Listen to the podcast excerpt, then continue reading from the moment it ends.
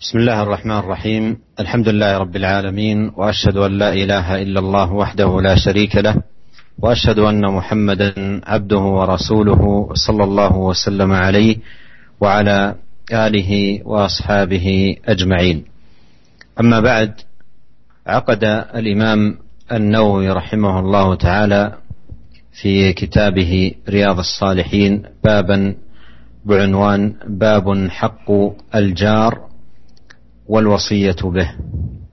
وهذه الترجمة عقدها رحمه الله تعالى لبيان ما للجار من حق عظيم ومكانة علية. وما جاء في كتاب الله سبحانه وتعالى وسنة رسوله صلى الله عليه وسلم من وصية بالجار حفظا لحقوقه وقياما بالواجبات المتعلقة به. وقد أورد رحمه الله تعالى في هذه الترجمة آية من كتاب الله تبارك وتعالى من سورة النساء ثم أتبع هذه الآية بأحاديث عديدة من سنة النبي صلى الله عليه وسلم في الوصية بالجار. قال الله تبارك وتعالى واعبدوا الله ولا تشركوا به شيئا وبالوالدين إحسانا وبذي القربى واليتامى والمساكين والجار ذي القربى والجار الجنب والصاحب بالجنب وابن السبيل وما ملكت أيمانكم. والآية فيها وصية جامعة تتناول حقوقا عظيمة أعظمها وأجلها حق رب العالمين وخالق الخلق أجمعين بأن يفرد تبارك وتعالى بالعبادة وأن يخص بالذل والخضوع وأن يفرد جل وعلا والا يجعل معه شريك. ولهذا قال في صدر هذه الآية واعبدوا الله ولا تشركوا به شيئا فهذا أعظم الحقوق وأجلها على الإطلاق. ثم ذكر بعده حق الوالدين وهو حق عظيم قرن بحق الله تبارك وتعالى في مواضع عديدة من كتاب الله عز وجل مما يدل على عظم شأن هذا الحق ورفعة مكانته. ثم ذكرت الحقوق وبعض أهل العلم يسمي هذه الآية آية الحقوق لما اشتملت عليه من بيان حقوق متنوعة. أولها حق الله ثم حق الوالدين ثم القرابة وحقوق اليتامى وحقوق المساكين وحقوق الجيران بأصنافهم وحق ابن السبيل وحق ملك اليمين. فهي حقوق متنوعة ولكل حقه بما يتناسب مع مقامه ومكانته ومنزلته. والشاهد ما جاء في الآية من ذكر لحق الجار الجار ذي القربى والجار الجنب.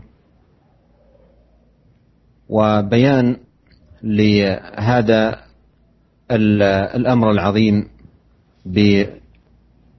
وصية الله تبارك وتعالى بالجار سواء كان قريبا أو كان جارا ملاصقا وليس قريبا. والعلماء رحمهم الله تعالى قسموا الجيران إلى أقسام.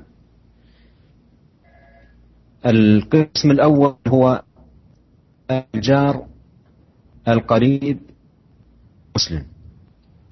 وفيه اجتمعت حقوق ثلاثة. حق الجيرة وحق القرابة وحق الإسلام. والقسم الثاني الجار الذي لا تجمعه بالإنسان قرابة وهو مسلم. فله حقان حق الجيرة وحق الإسلام.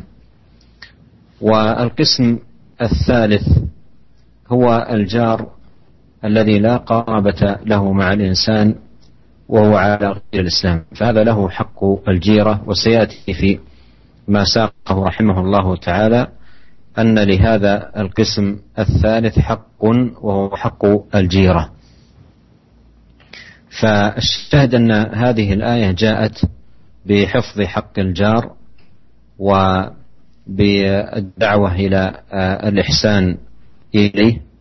وبالوالدين إحسانا وبذي القربى إلى تمام الآية وبالإحسان إليه وهذا يتناول الإحسان القولي والإحسان الفعلي ويتناول أيضا كف الأذى بأنواعه سواء كان فعليا أو قوليا Bismillahirrahmanirrahim. Alhamdulillah. Segala puji dan syukur kita panjatkan kehadirat Allah Subhanahu wa taala atas segala limpahan karunia yang Allah berikan kepada kita. Semoga salawat dan salam senantiasa tercurahkan kepada suri dan kita, junjungan kita Nabi Muhammad sallallahu alaihi wasallam dan keluarganya serta seluruh sahabat beliau tanpa terkecuali para pendengar Radio Raja di mana pun anda berada. Uh, Imam Nawawi rahimahullah membuat sebuah bab tentang Riyadhus Salihin yang beliau berjudul bab hak jar al biha bab tentang haknya tetangga dan uh, wasiat untuk memperhatikan uh, tetangga. Bab ini dibuat oleh Imam Nawawi rahimahullah untuk menjelaskan tentang besarnya atau agungnya hak yang dimiliki oleh tetangga. Kedudukan hak tersebut kedudukan yang tinggi dalam syariat Islam. Oleh karenanya kita dapati dalam Al-Quran wasiat untuk memperhatikan atau menunaikan hak tetangga tersebut. Demikian juga dalam sunnah-sunnah Nabi Shallallahu Alaihi Wasallam. Tentunya eh, dalil-dalil yang banyak dalam Al-Quran maupun sunnah Nabi Shallallahu Alaihi Wasallam menyebutkan tentang hak-hak uh, tetangga dalam rangka untuk menjaga hak mereka dan jaga dalam rangka untuk ditunaikan hak mereka. Al Imam Nawawi rahimahullah dalam bab ini membawakan sebuah ayat dari surat An-Nisa. Kemudian setelah itu beliau membawakan hadis-hadis yang banyak yang menjelaskan tentang bagaimana perhatian syariat terhadap hak tetangga. Adapun ayat dalam surat An-Nisa yaitu firman Allah Subhanahu wa taala, "Wa'budullaha wa la tusyriku bihi syai'a wa bil walidaini ihsana." Wa bidzil qurba wal yatama wal masakini wal jari dzil qurba wal jaril junubi wasahibi bil jambi wa banis sabil wa malakat aymanukum. Allah berfirman dan hendaknya kalian beribadah kepada Allah dan janganlah kalian berbuat kesyirikan sama sekali terhadap Allah Subhanahu wa taala. Hendaknya kalian berbuat baik kepada kedua orang tua dan juga kepada karib kerabat, kepada anak-anak yatim, orang-orang miskin, kepada tetangga dekat dan juga tetangga yang jauh dan juga kepada sahabat yang dan juga berbuat baik kepada musafir dan budak-budak kalian. Surat An-Nisa ayat 36. Para pendengar yang dirahmati Allah Subhanahu wa taala, dalam ayat ini ada wasiat dari Allah Subhanahu wa taala ya tentang penunaian atau untuk berbuat baik kepada eh, hak-hak uh, yang bervariasi. Yang pertama kali Allah sebutkan adalah tentang hak yang sangat agung dan dia adalah yang teragung yaitu haknya Allah Subhanahu wa taala.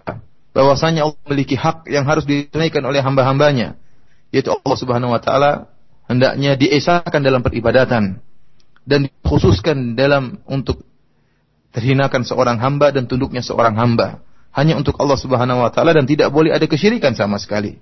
Dan ini merupakan hak teragung secara mutlak yang harus ditunaikan oleh seorang hamba. Kemudian setelah itu Allah Subhanahu wa taala menyebutkan tentang kedua orang tua setelah Allah mengatakan wa'budullaha wa la tusyriku bihi syai'a kata Allah wa bil walidaini ihsana. Sembahlah Allah saja dan jangan berbuat kesyirikan ya. Dan hendaklah berbuat baik kepada kedua orang tua. Kita tahu bahwasanya ya, Allah Subhanahu wa taala menyebutkan tentang besarnya hak orang tua. Allah Subhanahu wa taala menyebutkan tentang hak kedua orang tua setelah hak Allah Subhanahu wa taala dan sering Allah menggandengkan antara hak kedua orang tua dengan hak Allah Subhanahu wa taala dalam banyak ayat. Yang ini menunjukkan akan tingginya kedudukan hak kedua orang tua. Allah perintahkan kita untuk berbuat, berbuat baik kepada mereka dan berbakti kepada mereka berdua. Setelah itu Allah Subhanahu wa taala menyebutkan hak-hak yang lain. Kata Allah Subhanahu wa taala bidzil qurba wal yatama, kemudian juga berbuat baiklah kepada kerabat, kepada anak-anak yatim, kepada orang-orang miskin, kepada tetangga dekat, kepada tetangga jauh, kepada sahabat dekat, kepada musafir dan kepada budak-budak kalian. Oleh karenanya sebagian ulama menamakan ayat ini dengan ayatul hukuk. Ayat tentang hak-hak. Kenapa? Karena ayat ini menyebutkan ya banyak hak-hak yang bervariasi ya dari hak Allah Subhanahu wa taala kemudian Allah menyebutkan hak kedua orang tua, kemudian karib kerabat, kemudian hak anak yatim, kemudian hak orang miskin, kemudian hak tetangga, kemudian hak sahabat, kemudian hak anak e, musafir dan juga hak budak-budak. Akan tapi yang menjadi perhatian kita dalam ayat ini yaitu hak yang berkaitan dengan tetangga. Yang di mana Allah Subhanahu wa taala berfirman, "Wal jaridil qurba wal jaril junubi." Dan hendaknya kalian berbuat baik kepada tetangga yang dekat maupun tetangga yang jauh. Para pendengar yang dirahmati oleh Allah Subhanahu wa taala, dalam ayat ini Allah mengisyaratkan bahwasanya kita harus berbuat baik kepada tetangga. Sama saja apakah tetangga tersebut tetangga dekat maupun tetangga yang jauh. Oleh karenanya para ulama menyebutkan ada model-model tetangga, ya. Di antaranya para ulama menyebutkan yang pertama adalah al-jar al-qarib al-muslim. Yaitu tetangga yang dekat Artinya dekat sini ada ada kekerabatan ya dan juga dia seorang muslim. Oleh karenanya dalam hal ini tetangga ini memiliki uh, tiga hak. Yang pertama hak tetangga, yang kedua hak kekerabatan dan yang ketiga hak sebagai seorang muslim. Dan yang kedua, model tetangga yang kedua adalah jarul muslim, tetangga yang muslim. Dia hanya memiliki dua hak. Dia tidak memiliki hak kekerabatan, tetapi dia memiliki dua hak, yaitu hak tetangga dan hak Islam. Dan model tetangga yang ketiga yaitu ajar tetangga dan dia bukan seorang muslim. Tetangga yang ketiga ini juga bukan seorang muslim, dia juga memiliki hak. Sebagaimana nanti akan dijelaskan dalam hadis yang disebut Imam Nawawi. Haknya adalah hak tetangga. Dan ingat dalam ayat ini kata Allah Subhanahu wa taala, "Wa bil walidaini ihsana wa bil qurba." Kata Allah berbuat baik kalian kepada kedua orang tua, kepada kerabat dan seterusnya sampai Allah mengatakan, "Berbuat baiklah kalian kepada tetangga dekat dan tetangga jauh." Oleh karenanya seorang diperintahkan oleh Allah untuk berbuat baik kepada tetangga, baik secara perkataan maupun secara perbuatan. Artinya tutur kata hendaknya dia berbuat baik kepada tetangganya, berkata yang baik kepada tetangganya, maupun dengan perbuatan yaitu dengan berbuat baik kepada tetangganya.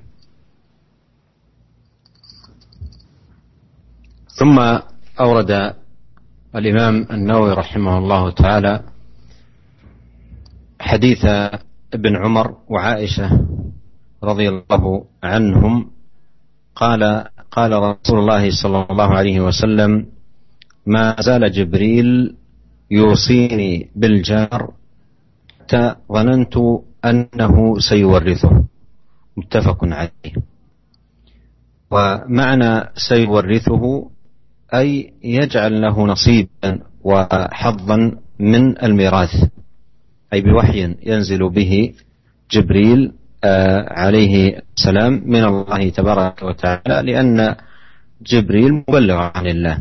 لكن النبي عليه الصلاة والسلام مما رأى في الوحي النازل من تعظيم للجار وبيان لحقه ظن عليه الصلاة والسلام ووقع في نفسه أنه سينزل آه، وحي بتوريث الجار وأن له نصيبا من آه، الميراث. والآية المتقدمة فيها أن أن الجيران على نوعين جار ذي قربى وجار جنوب يعني ليس له قرابة بالإنسان أما القريب الذي له بالقرابة ميراث فالأمر واضح لكن الكلام في الجار الذي هو ليس له قرابة بالجار يستحق بها نصيبا من الميراث.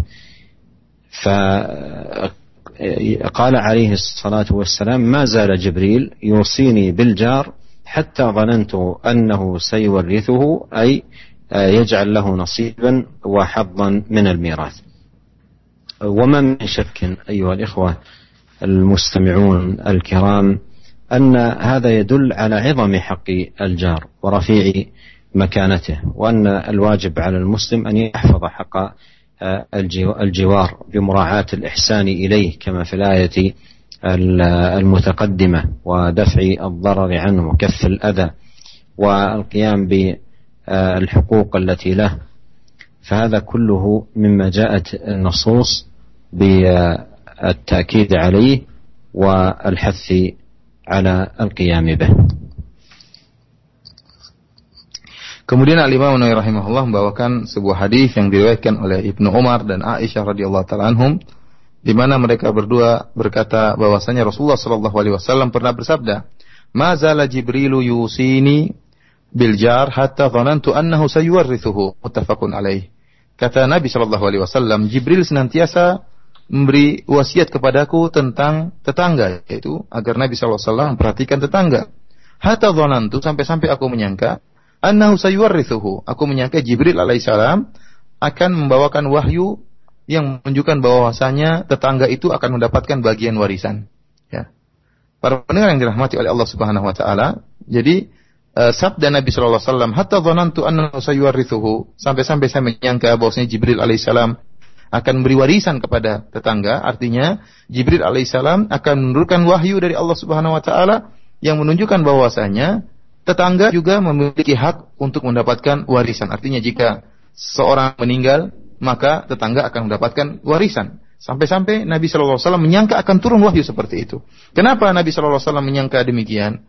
Karena malaikat Jibril alaihissalam selalu mewasiatkan kepada Nabi Shallallahu Alaihi Wasallam agar memberi perhatian berbuat baik kepada tetangga. Dan kita tahu bahwasanya uh, Nabi Shallallahu Alaihi Wasallam hanyalah mubalik, hanyalah menyampaikan wahyu yang dibawa oleh malaikat Jibril. Nabi tidak tahu apa yang akan diturunkan oleh malaikat Jibril. Nabi SAW hanya menyampaikan kepada umat dari ayat dan wahyu yang diturunkan oleh malaikat Jibril dari Allah Subhanahu wa taala. Oleh karenanya tatkala malaikat Jibril alaihissalam senantiasa mewasiatkan Nabi untuk berbuat baik kepada tetangga, Nabi SAW menduga, menyangka bahwasanya akan turun wahyu yang menyuruh bahwasanya tetangga akan mendapatkan warisan jika seorang meninggal dunia. Kalau kita perhatikan ayat sebelumnya, ya, ayat yang tadi kita bahas, Allah Subhanahu wa taala menyebutkan wal jari dzil qurba wal jaril junubi. Tetangga yang dekat yaitu memiliki kekerabatan dan tetangga jauh. Ya, adapun al jar al qarib, tetangga yang dekat, ya, tentunya tetangga uh, yang memiliki kekerabatan jelas ya, terkadang kekerabatan itu uh, memiliki hak warisan ya. Kadang kita bertetangga dengan uh, orang tua kita, kadang kita bertetangga dengan adik kita, bertetangga dengan saudara kita, karib kerabat kita yang mereka terkadang mendapatkan hak waris. Akan tapi jadi pembicaraan kita adalah aljar al-junubi yaitu tetangga yang yang jauh. Bagaimana mereka ini ya?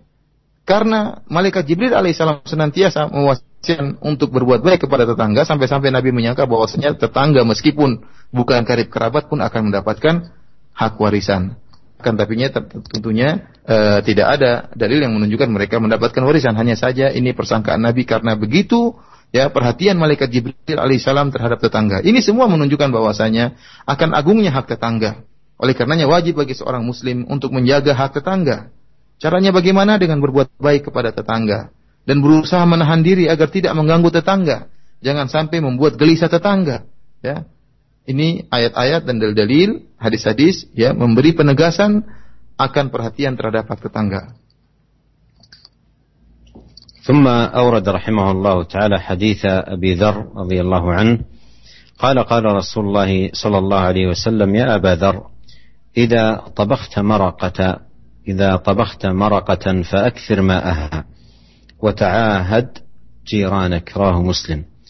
وفي رواية له عن أبي ذر قال إن خليلي صلى الله عليه وسلم أوصاني إذا طبخت مرقا فأكثر ماءه ثم انظر أهل بيت من جيرانك فأصبهم منها بمعروف. وهذا آه، فيه وصية من نبينا الكريم عليه الصلاة والسلام بالتهادي بين الجيران. لما يورثه هذا التهادي من محبة ولما يحققه من زيادة المودة والألفة. ولا ولا يكون هذا التهادي أو إرسال شيء من الطعام أو الإيدام أو الفاكهة أو الخضرة أو غير ذلك مختصا بالجار الفقير نظرا لفقره وحاجته. وإنما يرسل حتى وإن كان الجار غنيا نوعا من التهادي الذي يورث المحبة. وما من شك أن الجار يقع مثل هذا في نفسه موقعا عندما يحس بعنايتك به ورعايتك له واهتمامك بمكانته وبحقه وتقديمك له شيء من طعامك ليشارك فيه. فلا شك أن هذا كل كله مما يقوي الألفة والمحبه بين الجيران. وأيضا هنا ينبغي التنبه لما دل عليه الحديث من عدم احتقار أي شيء من أفعال الخير حتى وإن قلت فإنها كلها تدخل في باب المعروف وإن كان شيئا قليلا يعني قليل من الايدام أو شيء مثلا من الخبز مثلا أو شيء من الفاكهة أو الخضرة أو غير ذلك من أو ما يصنعه الإنسان مثلا من طعام في في في بيته أو أو شيء من الحلوى أو غير ذلك فيرسل منه جزءا لجاره لا يحقرن من المعروف شيئا. وإذا تأملت آه، آه، أحيانا تكون أنت في كفاية وجيرانك أيضا في كفاية لكن هذا التهادي آه، يحقق أمرا آخر وهو المحبة والألفة وقوة الترابط والتواصل بين الجيران. وإذا مثلا وصل رب الأسرة إلى البيت ثم وجد طعاما ومضافا إلى طعام البيت وقيل هذا من فلان قال جزاه الله خيرا وأثنى عليه بين أولاده فنشأت في البيت وبين الأولاد وبين أهل البيت عموما محبة لهذا الجار وللجار الآخر الذين يتواصلون مع جيرانهم ويتهادون بينهم. فلا شك أن هذا يحقق أيها الإخوة المستمعون الكرام خيرا عظيما وكبيرا بين الجيران وهذا كله من كمال هدي نبينا عليه الصلاه والسلام فيما يحقق القوه ويمتن الصله بين الجيران. Para pendengar yang dirahmati Allah Subhanahu wa taala, kemudian Al Imam Nawawi rahimahullah membawakan hadis yang berikutnya hadis yang kedua dari sahabat Abu Dzar radhiyallahu taala anhu bahwasanya beliau berkata, qala Rasulullah sallallahu alaihi wasallam, Rasulullah SAW pernah berkata kepada beliau, Ya Abu Dzar, idza tabakhta maraqatan fa akthir ma'aha. Wahai Abu Dzar, jika engkau memasak daging ya, maka perbanyaklah kuahnya. Ya.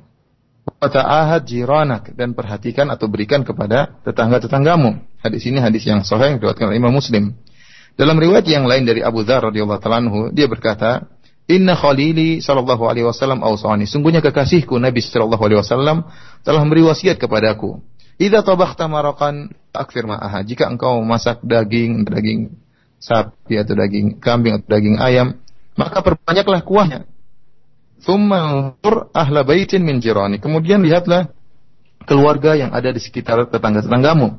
Fa'asibhum minha bima'ruf. Maka berikanlah sebagiannya kepada mereka kepada tetangga-tanggamu tersebut.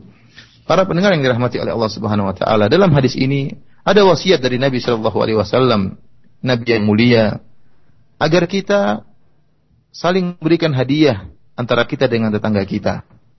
Karena tatkala seorang memberikan hadiah kepada tetangganya, maka hal ini akan menumbuhkan kecintaan, persahabatan yang lebih erat antara dia dengan tetangganya, bahkan akan menambah kasih sayang ya dan kedekatan antara seorang dengan tetangganya. Dan ingatlah bahwasanya ya, pemberian hadiah bukan hanya dikhususkan kepada tetangga yang miskin. Ya, tidak mesti kita hanya berikan hadiah pemberian kepada tetangga yang miskin tidak. Ya. Bahkan meskipun hanya sedikit yang kita berikan kepada tetangga kita dan tetangga kita bukan miskin, tetangga orang kaya misalnya, ini pun bisa menumbuhkan rasa cinta kepada tetangga kita. Ya.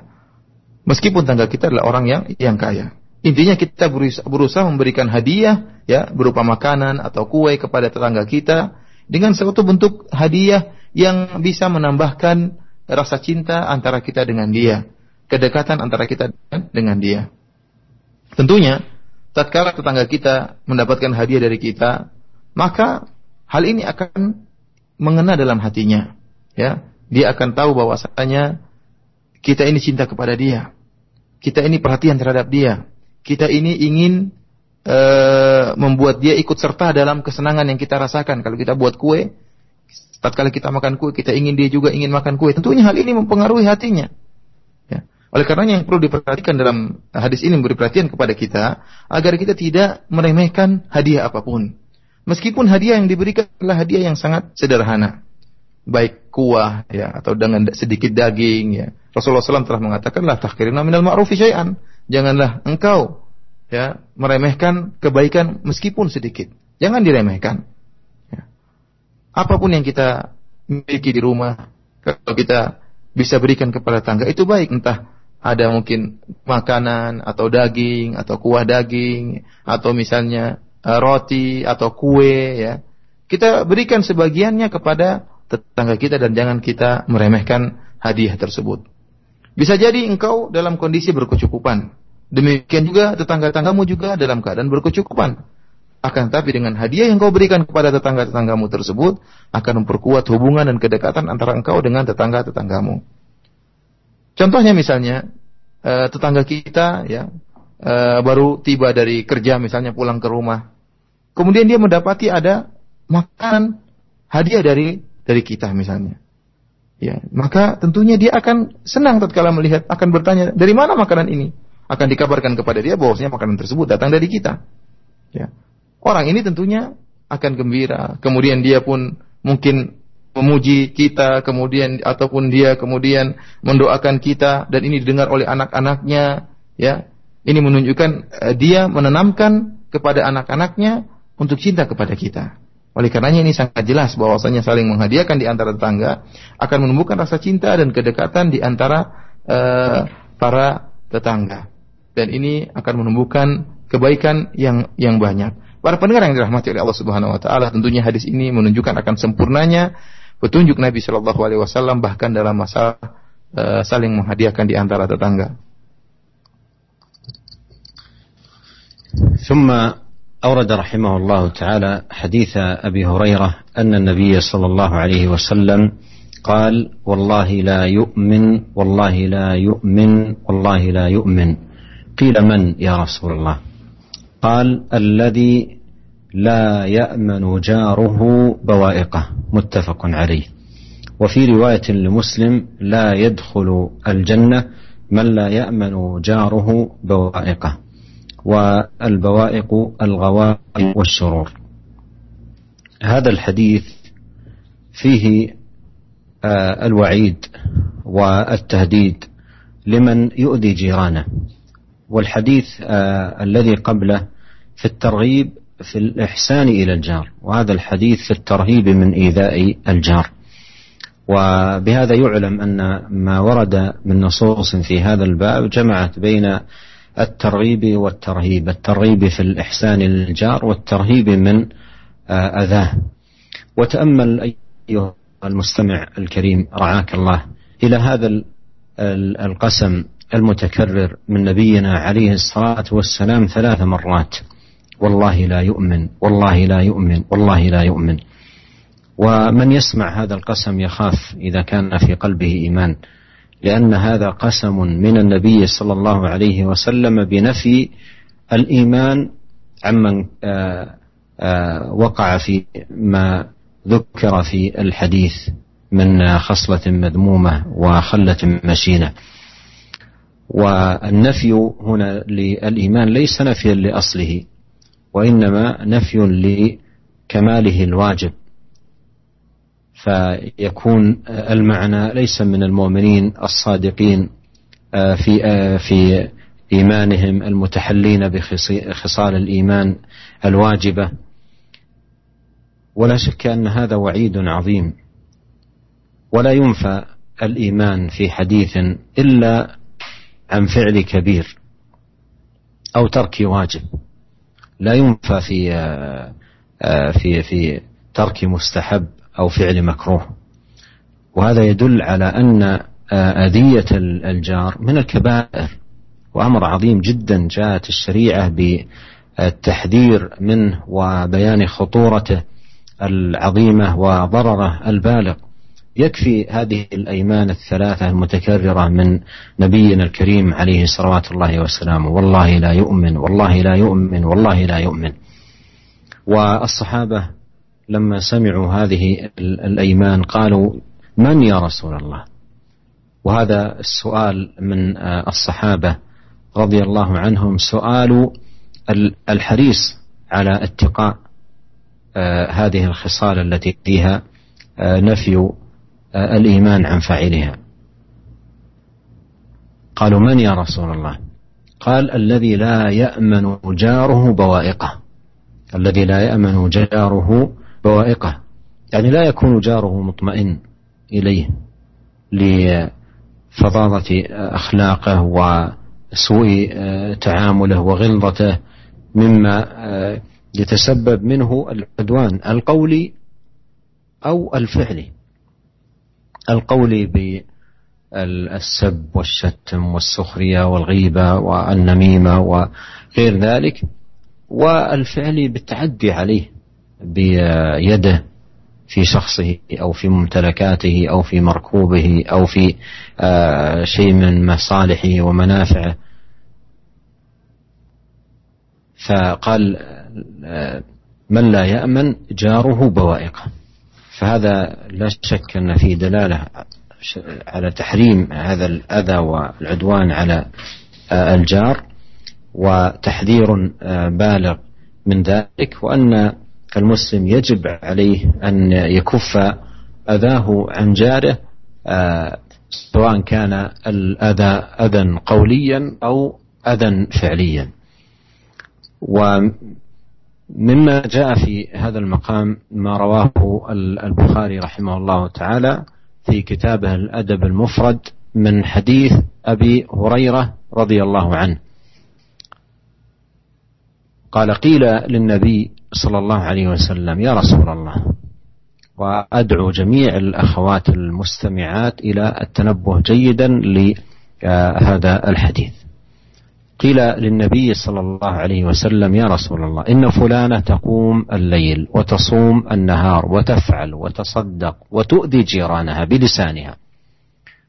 تؤذي جيرانها بلسانها يعني ليست الأذية التي منها لجيرانها بيدها و... وإنما بلسانها أي تتكلم في حق جيرانها غيبة ونميمة وسخرية ونحو ذلك وتؤذي جيرانها بلسانها. فقال رسول الله صلى الله عليه وسلم لا خير فيها هي من أهل النار. قالوا وفلانة تصلي المكتوبة وتصدق بأثوار أي شيء يسير جدا ولا تؤذي أحدا. فقال رسول الله صلى الله عليه وسلم هي من أهل الجنة.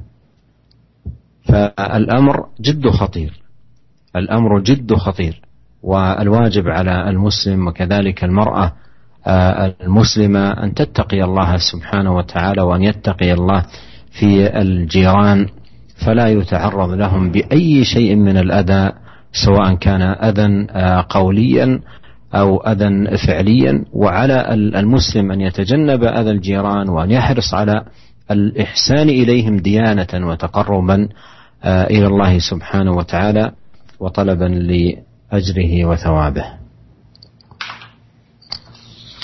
Para pendengar yang dirahmati oleh Allah Subhanahu wa taala, kemudian Al Imam Nawawi rahimahullah membawakan hadis berikutnya dari sahabat Abu Hurairah radhiyallahu taala anhu, bahwasanya Nabi sallallahu alaihi wasallam bersabda, "Demi Allah tidak beriman. Wallahi la yu'min tidak. Demi Allah tidaklah beriman. Wallahi la yu'min demi Allah tidaklah beriman." Maka dikatakan kepada Nabi, "Siapa yang tidak beriman wahai Rasulullah?" Maka Nabi sallallahu alaihi wasallam berkata, alladzi la ya'manu jaruhu bawa'iqahu yaitu seorang yang tetangganya tidak merasa aman dari gangguannya.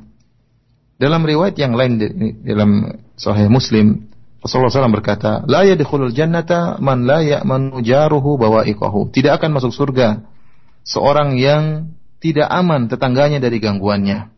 Ya, karena al-bawaik maknanya adalah gawail wa syurur, gangguan dan kejelekan-kejelekannya.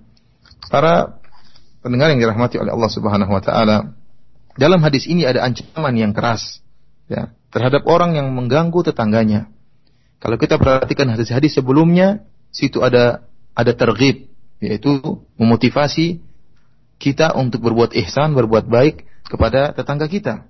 Adapun dalam hadis ini ada ancaman terhadap orang yang mengganggu tetangganya. Oleh karenanya, nas-nas yang datang dalam masalah tetangga, hak tetangga, menggabungkan antara dua perkara, yaitu nas-nas yang memberi motivasi untuk berbuat baik dan nas-nas yang memberi peringatan dan ancaman terhadap orang yang berbuat buruk terhadap tetangganya. Ya. Contohnya di antaranya hadis ini yang merupakan ancaman terhadap orang yang berbuat buruk kepada tetangganya. Perhatikan Nabi SAW dalam hadis ini bersumpah sebanyak tiga kali. Kata Nabi SAW, la yu'min. Wallahi la yu'min. Wallahi la yu'min. Wallahi la yu'min. Kata Nabi SAW, demi Allah tidaklah beriman. Demi Allah tidaklah beriman. Demi Allah tidaklah beriman. Ya. Orang yang mendengar hadis ini, kalau dalam hatinya masih ada keimanan, tentunya akan takut. Ya. Bagaimana tidak? Ya, dalam hadis ini yang bersumpah Nabi Shallallahu Alaihi Wasallam dan Rasulullah SAW mengatakan tidak beriman. Ya. Isi sumpahnya tidak beriman atau ti tidaklah beriman. Oleh karenanya orang yang mendengar hadis ini tentunya akan tahu takut bahwa ini merupakan ancaman yang berat dari Nabi Shallallahu Alaihi Wasallam.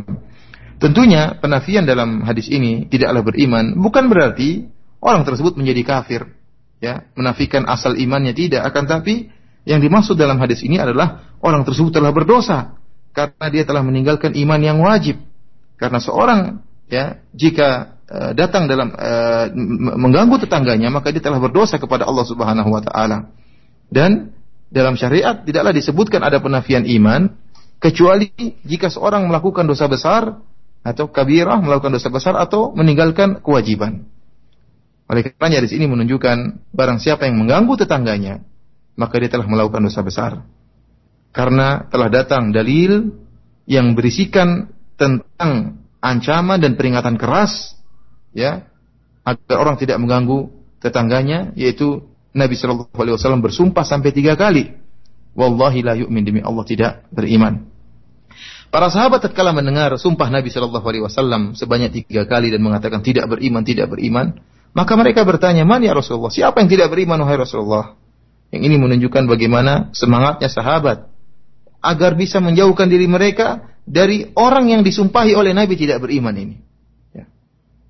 Kemudian Nabi SAW menjelaskan bahwasanya orang yang tidak beriman tersebut adalah orang yang tetangganya tidak merasa aman dari gangguannya. Yaitu artinya apa? La alladzi la ya'manu jaruhu bawa'iqahu.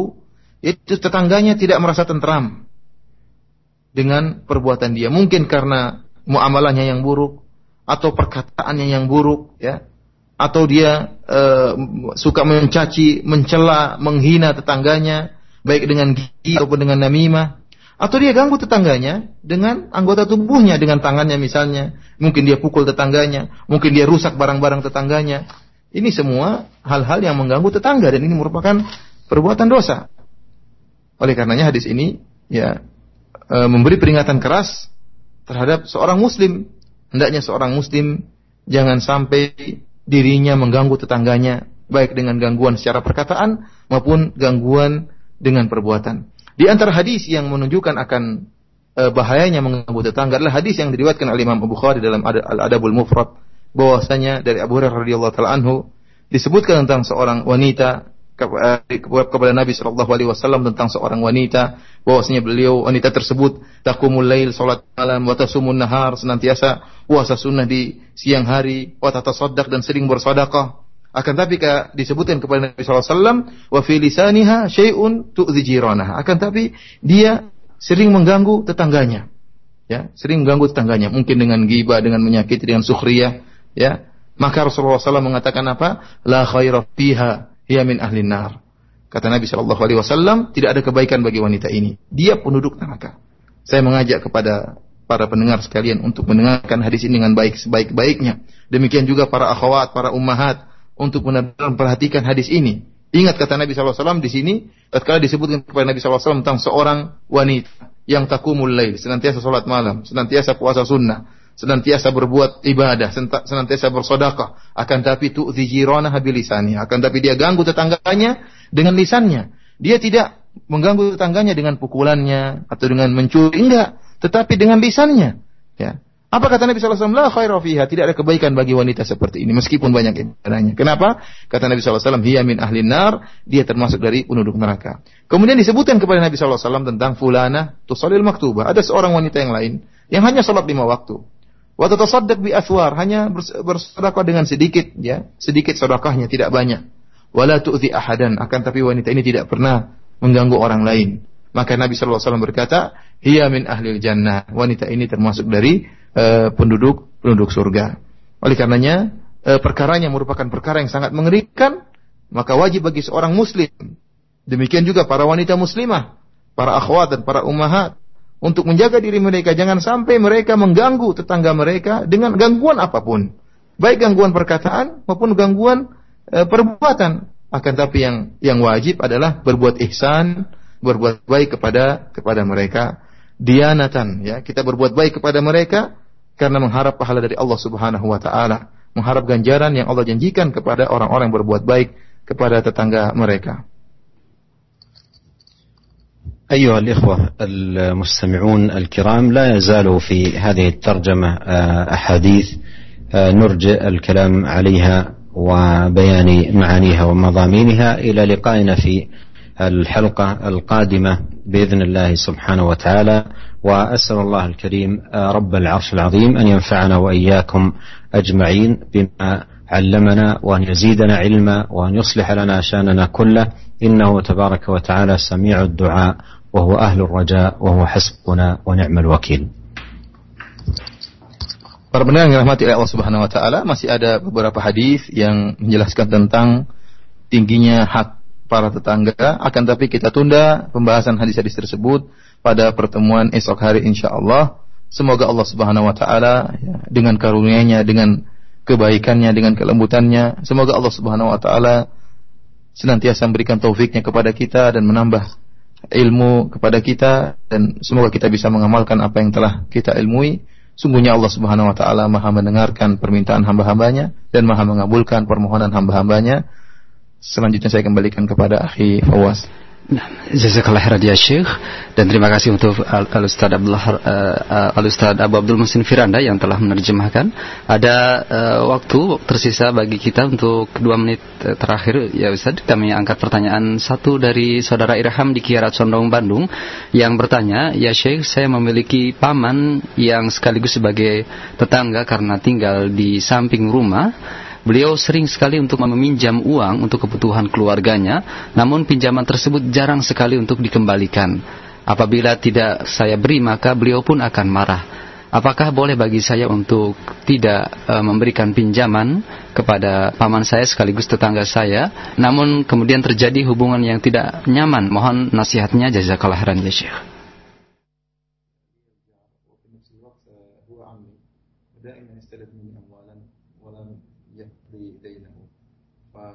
هل يجوز لي أرد عندما استدن من أعطيه؟ لكن عندما لم أعطيه شيء من الدين يغضب مني وتصير مشاكل بيني وبين المولى؟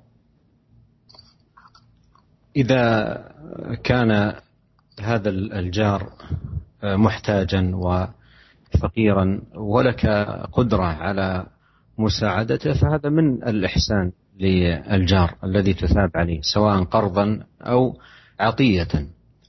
وقد يكون عدم السداد عن مماطلة وقد يكون عدم السداد عن قلة ذات يد.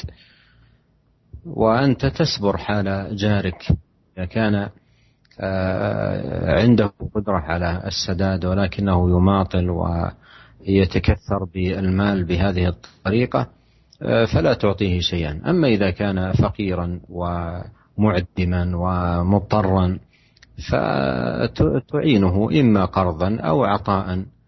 ويمكن أن آه، تعتذر منه إذا كانت آه، قدرتك المالية لا تساعدك على عطائه.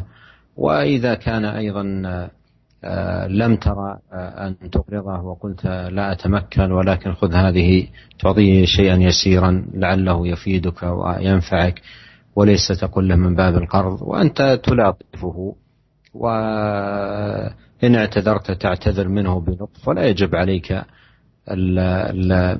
إقراضه لكن هذا باب من أبواب الإحسان إلى الجار وهو داخل في عموم الآيات. والأحاديث وأسأل الله عز وجل لنا أجمعين التوفيق والسداد والسلام عليكم ورحمة الله وبركاته وعليكم السلام ورحمة الله وبركاته uh, Syekh menjelaskan bahwasanya jika uh, tetangga tersebut adalah uh, orang yang benar-benar butuh, miskin, dan engkau memiliki kemampuan untuk membantunya, baik dengan memberikan pemberian atau memberi hutangan, maka uh, bantulah dia ya. Kalau memang dia memang butuh miskin, keluarganya butuh makan, ya, bantulah dia semampunya, ya, baik dengan memberi pemberian atau dengan memberi hutangan. Karena seorang uh, yang berhutang terkadang tidak mampu untuk membayar hutangnya, bisa jadi karena dua sebab. Sebab pertama, karena tidak mampu, memang miskin, ya, tidak punya uang untuk membayar hutang. Dan yang kedua karena mematalah, ya. Sudah punya uang tapi ditunda-tunda pembayarannya atau sudah punya uang tapi ingin memperbanyak hartanya, ya. Ya hanya ingin memperbanyak jadi ngutang sana ngutang sini padahal dia sudah berkecukupan. Ya kalau engkau tahu bahwasanya uh, orang tersebut tetanggamu ya hanya sekedar ya sakfir hanya ingin uh, memperbanyak uangnya memperbanyak hartanya sementara sebenarnya dia sudah cukup, maka jangan kasih dia, tidak perlu diberikan. Tapi jika ternyata dia adalah seorang yang miskin ya, yang butuh ya maka uh, engkau berikan bantuan kepada dia baik berupa pemberian maupun maupun uh, dengan mengutangkan kepada dia. Jika engkau tidak ingin berikan kepada dia, kita engkau tahu ternyata dia uh, hanyalah uh, ingin mengambil uangmu, kemudian dia sebenarnya tidak butuh, maka tatkala kau menolak pun dengan cara yang lembut, ya. Caranya misalnya di antaranya engkau memberikan sedikit, ya. Berikan aja sedikit bilang, sampaikan kepada dia, ini saja yang saya bisa berikan kepada engkau. Saya tidak uh, tidak tidak belum bisa untuk memberikan utangan kepada engkau, tapi sedikit ini mudah-mudahan bisa uh, membantu uh, dirimu. Ya, kalaupun kita menolak maka kalaupun engkau menolak maka tolaklah dengan cara cara uh, yang lembut dan ingatlah bahwasanya perbuatanmu tersebut baik kau memberi bantuan ataupun menolak dengan cara yang lembut merupakan salah satu dari pengamalan dari ayat yang sudah kita jelaskan dan juga hadis-hadis yang memotivasi kita untuk berbuat baik kepada tetangga. Demikian saja para pendengar yang dirahmati oleh Allah Subhanahu wa taala, kajian kita pada kesempatan kali ini semoga bermanfaat bagi kita semua dan semoga kita bisa uh, diberikan kemudahan oleh Allah untuk berbuat baik kepada tetangga-tetangga kita. Wabillahi taufiq wal hidayah. Wassalamualaikum warahmatullahi wabarakatuh.